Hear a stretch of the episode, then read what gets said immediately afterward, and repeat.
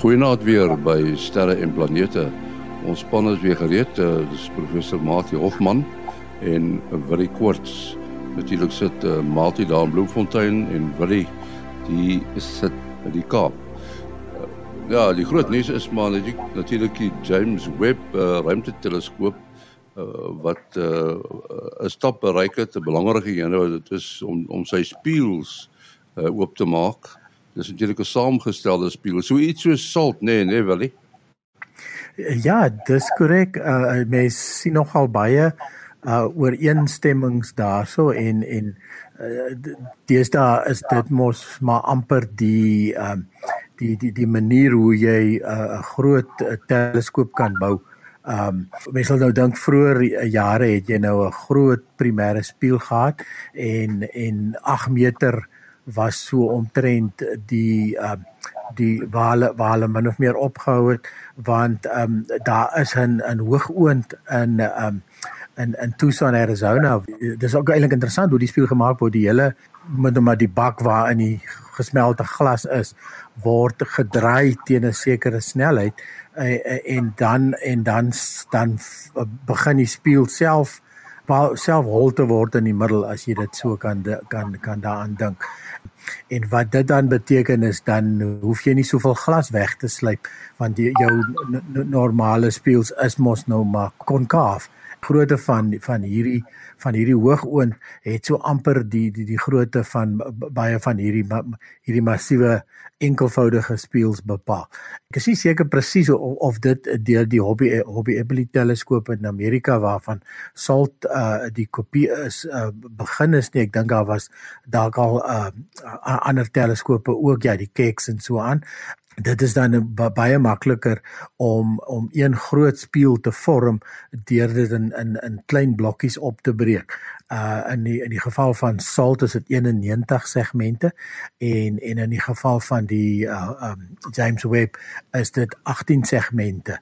Um die verskil natuurlik tussen salt en en die James Webb gaan wees dat um salt se segmente is almal identies want salt se primêre uh, spieël vorm 'n sweer. Uh dit wil sê 'n halfsirkel waar uh, by die James Webb en die Keck en so aan uh vorm dit 'n parabool. Um en parabool is maar die eintlike ideale vorm wat jy wil hê 'n spieël moet wees en dan dan vorm hy 'n perfekte beeld. So uh die die optika aan die aan die ander kant na die die lig bymekaar gekom het is dan natuurlik heelwat eenvoudiger. Ja, dis reg. So Ons het laas keer gepraat van die um, sonskerm wat ontplooi het en dan die volgende was toe die sekondêre spieël.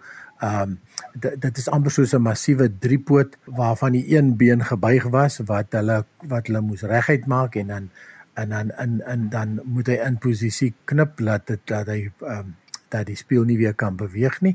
Uh wat dan bokant die primêre spieël uitstaan en dan die primêre spieël self uh omdat dit moes opvou om in die uh Ariane 4 pyl se se se se nouskoon moes gepas het. Het die klomp segmente in die middel was soort van bymekaar en dan die die twee kante het het het het het agtertoe gevou. So dit intussen nou uh, reguit gevou. So uh, ja, so die volgende wat, wat daar nou gebeur uh nog steeds op pad die tyd dat dat, dat die program uitgaan behoort ons baie na aan die die die Lagrange 2 punt te wees. Uh die teleskoop is nou eintlik net nog steeds in in vry vlug. Wat volgende of wat intussen dan gebeur het is dat elke spieël self kan kan beweeg word. En dit is weer eens identies aan wat sal doen elke spieël en die spieël self is nie plat nie nê hulle hulle is dan gevorm en en en elke spieël kan dan baie baie akkuraat hulle praat van 1 10000ste van die dikte van 'n menslike haar kan jy hierdie hierdie segmente individueel uh, beweeg. Uh, Daai opleiding gaan natuurlik eers plaasvind wanneer die instrumente aan die gang kom, wanneer hulle dan na 'n 'n helder ster gaan kyk en en dan uit fokus um, beelde bepaal watter wat se speel wys in watter rigting en dan word hulle opgelyn presies wat by Salt gebeur. In Salt het ons natuurlik net 'n toring uh langs die teleskoop waar vanaf lig skyn op die spieël en dan kan elke spieël segment dan dan beweeg word. Maar wat intussen gaan gebeur is dat die segmente is was in 'n soort van 'n locked position tydens die uh, uh, uh lansering en en dit wo, en, en intussen wo, word hulle dan nou elke ene soort van losgemaak sodat hulle beweeglik kan wees wanneer die die die eerste opleidings gaan plaasvind. Ja, en die eerste beelde word eers oor eers by Junie se kant verwag. So daar's nog 'n hele klomp werk wat wat gaan gebeur uh om om die teleskoop die teleskoop en die instrumente is nog steeds besig om af te koel en en wanneer die teleskoop optimaal gaan werk. Intussen gaan daar natuurlik heelwat ingenieursbeelde afgestuur word. Um en die hele tyd moet hierdie moet hierdie opleidingsproses. Ja, uh wil jy wat interessant is is dat hulle met die oopvou van die teleskoop en die uh sekondêre spieël dit reg gekry het op akkuraatheid van ongeveer 'n millimeter so vir 'n groot meganiese uh instrument wat jy met afstand beheer doen ver in die ruimte ontplooi is dit al op sigself 'n prestasie maar die optiese akkuraatheid moet soos wat jy nou gesê het op die ou end in die orde van miljoenstes van 'n meter of uh duisendstes van 'n millimeter wees om nou daai optiese akkuraatheid te gee. Dit is nou waar die tyd nou uh inkom. Uh, mens kan nou gedagte hou die oopvou van die hele instrument die volledige ontplooiing het maar ongeveer 2 weke geduur terwyl daardie fyn instellings gaan nou 'n paar maande duur alhoewel hulle redelik gou uh nog in hierdie maand uh, dalk gaan beelde kry wat dan nou uit fokus uit is nou van die van die spieëls ge, gepraat daardie vorm. Dis natuurlik 'n klop heksagone, 18 van hulle en dan is daar 'n 19de een in die middel waar daar nie 'n spieël is nie. Dis nou waar deur die lig vanaf die sekondêre spieël weer kaats word. Maar dit sal 'n ikoniese beeld word. Mens sien dit reeds in die grafika van die James Webb bladsy en dit begin al mense inspireer om koeke in daai vorm te bou en hekelwerk in daardie vorm te doen. Dit is 'n baie mooi tipe patroon van heksagone wat so in mekaar in mekaar pas nogal inspirerende beeld. Ja om om net aan te sluit by wat Martin nou daar gesê het, uh daar ehm um, het selfs uh mense kry hierdie kunstenaars wat so met uh, amper soos draadkarre bou en dan draadbeeltjies bou van allerlei goeders. En uh presies wat Martin nou beskryf uh, is destyds met met salt gebou daar so 'n klompie van hierdie draadmodelle van van salt wat ook hier rondte gedoen het. En die een ou was vir my nogal baie uh uh um, baie slim geweest om om dan oogiesdraad te gebruik. Um jy weet hierdie hierdie um wat ons noem bird wire, né, die die die die kleintjie wat nou uh vir die uh um, wat jy vir ook gebruik om om de, om dan die die hoofspeel as as dit voor te stel. So uh, ja, die die, die kunstenaars en die mense kom definitief uit. Nou kom ons gesels oor uh, iets anders en dit is oor die uh, rooi planeet. Uh, wat interessant is, die grootste skeurvallei in ons sonnestelsel is juis op Mars geleë. En dit is nou interessant dat uh, daar is 'n ander verskynsel wat ook 'n baie groot ding is en dit is Olympus Mons, die hoogste berg in ons sonnestelsel. Nou Mati uh die Valle Marinaris.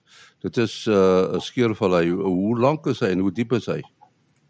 Uh en in die omgewing van 4000 km so hy sal dan nou uh, amper oor die hele uh, noordelik Noord-Amerika kan strek uh, en dan op sy diepste tot so 8 km diep. Uh so dit is nogal baie baie dieper ook as die Fisherfin Canyon hier naby naby ons. Uh natuurlik is dit 'n uh, kenmerk wat baie mooi afgeneem is uh wat mense ook kan uh uh met aardgebonde teleskope die uh, iets van die struktuur sien.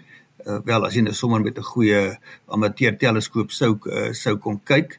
Uh maar wel, die vraag is wat gaan nou onder in hierdie vallei aan?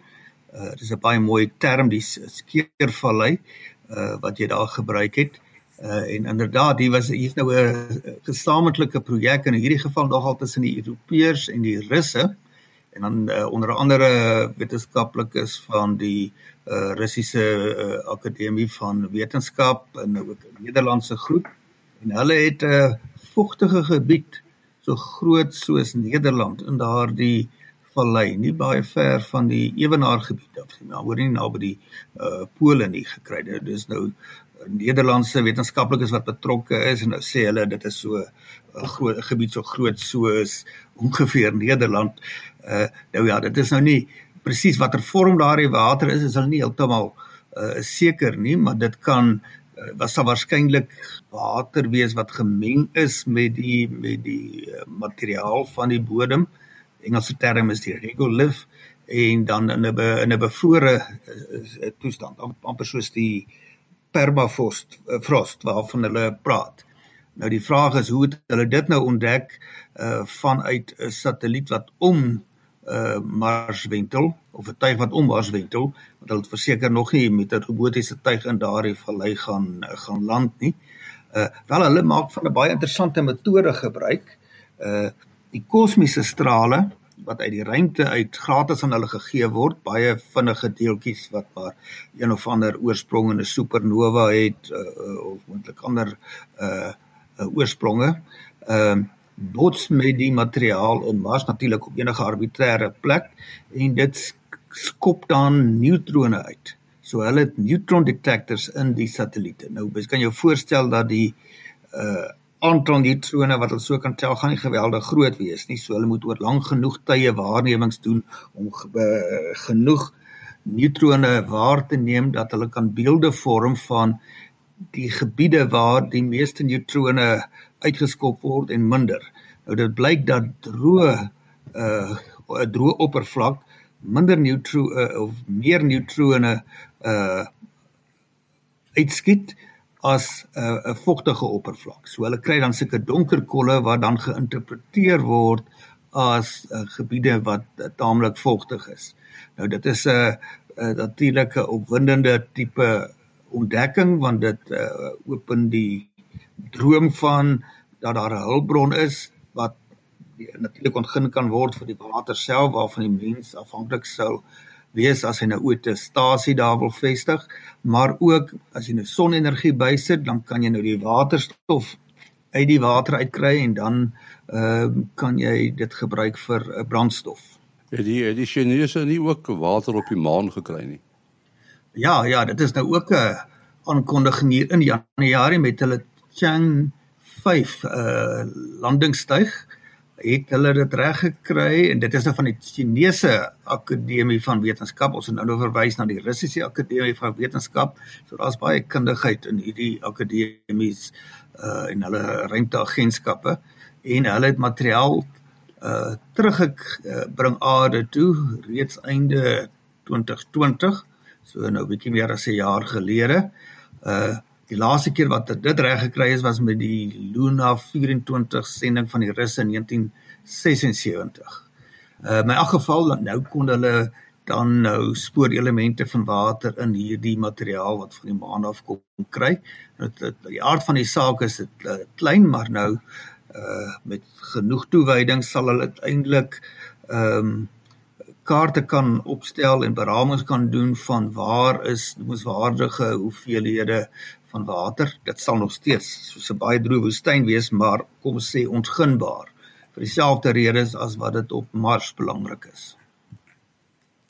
Wie ons weet nou almal ons eh, sonnestelsel het 'n 'n sekere patroon die rotsplanete aan die binnekant en dit is die asteroïde gordel en dan die gasplanete aan die buitekant.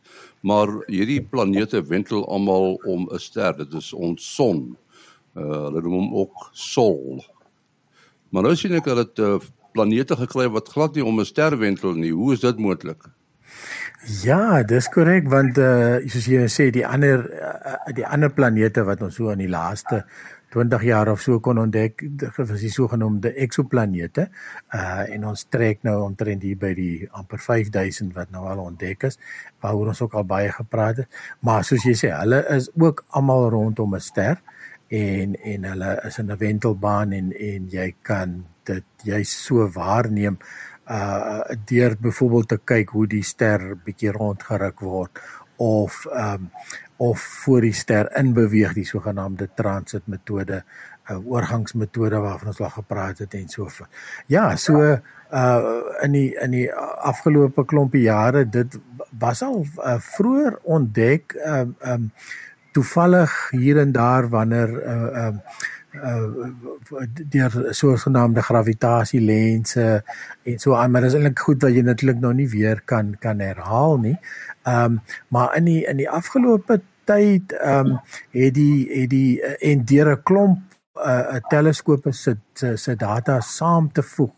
Ehm um, groot teleskope deesdae met met uh sogenaamde met met, met infrarooi instrumente ehm um, en en wat baie baie sensitiewe instrumente ehm um, het het hulle nou onlangs iets so 70 uh maar dit kan die die getal kan selfs van hulle moet nog bevestig word maar dit kan selfs soveel wees as 170 uh 'n nuwe uh hierdie hierdie um swerwende planete uh ontdek het. En um Ja, eh, soos jy sê, hoe, hoe hoe kan dit gebeur? Daar's natuurlik 'n hele paar scenario's.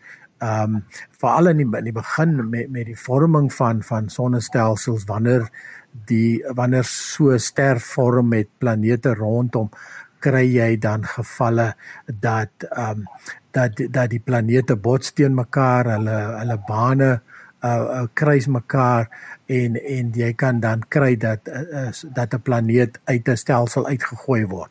En en dan is daar natuurlik geen ster naby wat hom meer in 'n wentelbaan hou nie en die die planeet sal dan sal dan uh, net begin trek deur deur die diepe ruimte. Die aard van die saak gaan so is so 'n planeet geweldig afkoel um want in, naby 'n son of 'n ster uh kry jy nog hitte van die van van die ster af wat uh wat die wat die planete uh, warm hulle hitte vandaan kry soos ons op die aarde byvoorbeeld van die van die son af. Maar wat jy nog wel kry en hulle praat in hierdie geval van van Jupiter uh gro grootte tipe um planete wat nog besig is om af te koel so jy jy kan dan met hierdie baie baie sensitiewe instrumente uh, kan hulle die die, die hitte meet.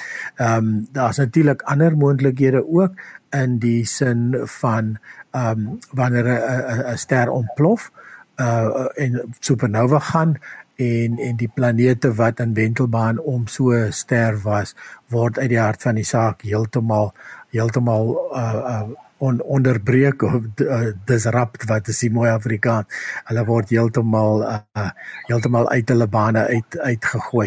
En um, dan kry jy natuurlik ook gevalle wanneer twee sterre wat nou elke son 'n sterre 'n sonnestelsel om hom het, planete om hulle het, um baie naby by mekaar ver, verby beweeg en dit kry jy in die geval dan natuurlik dat dat selfsterre stelsels um kan kan deurmekaar beweeg. Ons praat van botsings, maar omdat dit daar omtrent hoofsaaklik ruimte is, kry jy nie baie regte botsings nie, maar jy kry um dan uh, sterre wat baie naby mekaar verby beweeg en hulle planete word word dan heeltemal ontwrig en en ook uitgegooi. Ja, so um daar word geskat dat daar dat daar um selfs miljarde sulke uh, vry swewende planete kan wees. Um en en uh, maar, maar om hulle natuurlik raak te sien en en um om hulle uh te kan meet en so aan sal moet wag vir die volgende generasie teleskope soos hierdie amper 40 meter teleskoop wat wat, wat tans in aanbou is uh met infrarooi instrumente James Webb sal definitief ook 'n rol kan speel om om om sulke planete te kan ontdek. Hmm uh, wil jy wat vir my verstommend is is die toewyding wat nodig was om hierdie kom sê 70 tot 170 uh vry uh, vry bewegende planete te kon ontdek. Uh ek lees dat hulle ongeveer 80000 wye veld beelde gebruik gebruik het. Nou dit moet hulle natuurlik rekenaarmatig gedoen het want uh hoe lank gaan jy nou vat om sulke voorwerpies op soveel tienduisende uh, beelde te gaan soek. Uh en dit het ook data ingesluit van die uh Gaia uh ruimte uh sterrewag of ruimteteleskoop wat nou die baie fyn bewegings van hierdie voorwerpe kon optel. Dit is nou by die astrometrie. So hulle kyk vir voorwerpe wat infrarooi lig uitstraal weens die hitte en dan bietjie beweeg. Ehm uh, maar uh, nie die maklike werk nie vir 'n lui persoon wat goue ontdekking wil maak. ja, want ek sien van hierdie observasies gaan so ver terug soos 20 jaar se data wat hulle wat hulle hierso vergesel. Ja, ja, dis nou om daai baie fyn bewegings, ja, uh, uh, teenoor die ster agtergrond op die groot afstande selfs 'n voorwerp wat vinnig beweeg gaan oor 'n klompie jare maar 'n klein bietjie teen die ster agtergrond beweeg het. Dis hoekom 'n lang tydlyn uh, so baie help om hierdie tipe voorwerpe te ontdek. Mate deesdae praat ons baie oor uh, die uh, doenerlate van SpaceX en Elon Musk. Maar ons het uh, lanklaas oor die Artemis projek gepraat met uh, die SLS, die Space Launch System. En dit is 'n NASA projek. Weet jy miskien waar staan hulle met die projek? Ja, nie die projek is nie iets wat in die verre toekoms gaan gebeur nie. Hulle wil binne 'n paar jaar uh weer mense uh op die maan uh, gaan plaas. Nou intussen tyd het SpaceX 'n groot speler ge, geraak met uh, mense ruimte toe neem. Ehm um, en hulle is gekontrakteer deur uh, NASA om deel te wees van hierdie projek.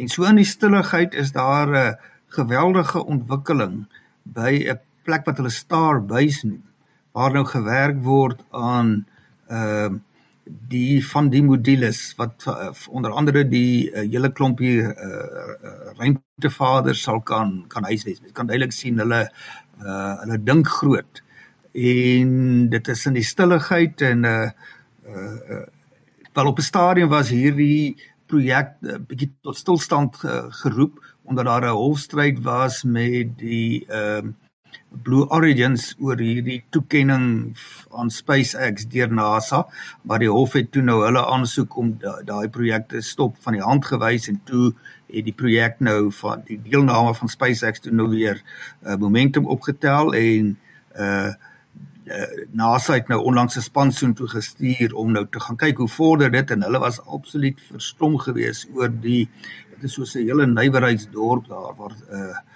uh, gebou word aan uh, prototipes en so aan. So dit is iets wat ons 'n bietjie moet dophou saam met die James Webb teleskoop. So ons het ongelooflike opwindende paar jaar wat uh, DV voorlê.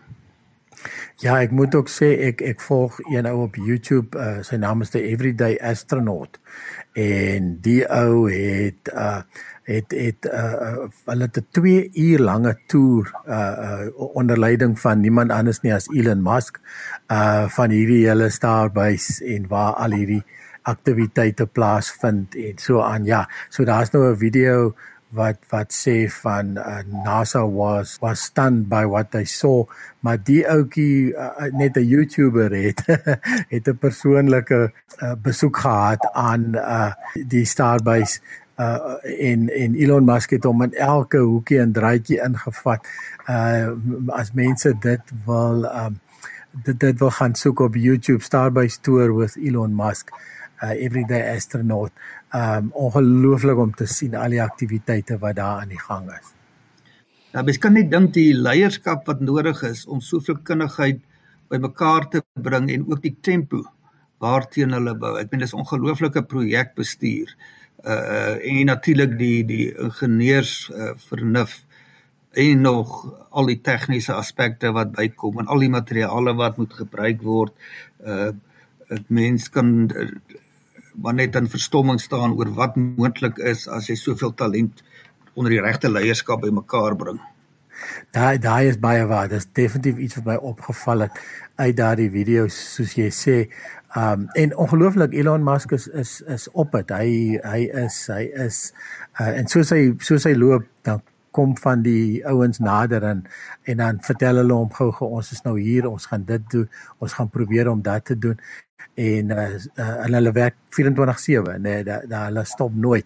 Uh, dag en nag is daar spanne wat besig is om hierdie goederes te bou en en uh, um, en ons het nou al 'n paar ontploffings gesien en goed wat verkeerd gaan en is interessant vir my om Elon Musk se uh, se houding daaroor te sien. Hy sê ek leer meer uit um, uit 'n vuurpyl wat ontplof as een wat wat goed gaan. Uh want dan sien hulle al die goed wat wat verkeerd is, wat wat uh wat kan verkeerd gaan. So ja, on, ongelooflik. Ja, ja mens moet nou net nie kry dat die studente vir ons begin sê hulle leer meer uit 'n toets wat hulle dop as een wat hulle weet. goed, mate, jou besonderhede. Uh selfoonnommer 0836257154. 0836257154. Vir is 0724579208. 0724579208. En die program se e-posadres is sterreplanete@gmail.com. sterreplanete@gmail.com. Hmm. Ons is volgende week terug. Tot ja. dan, alles van die beste.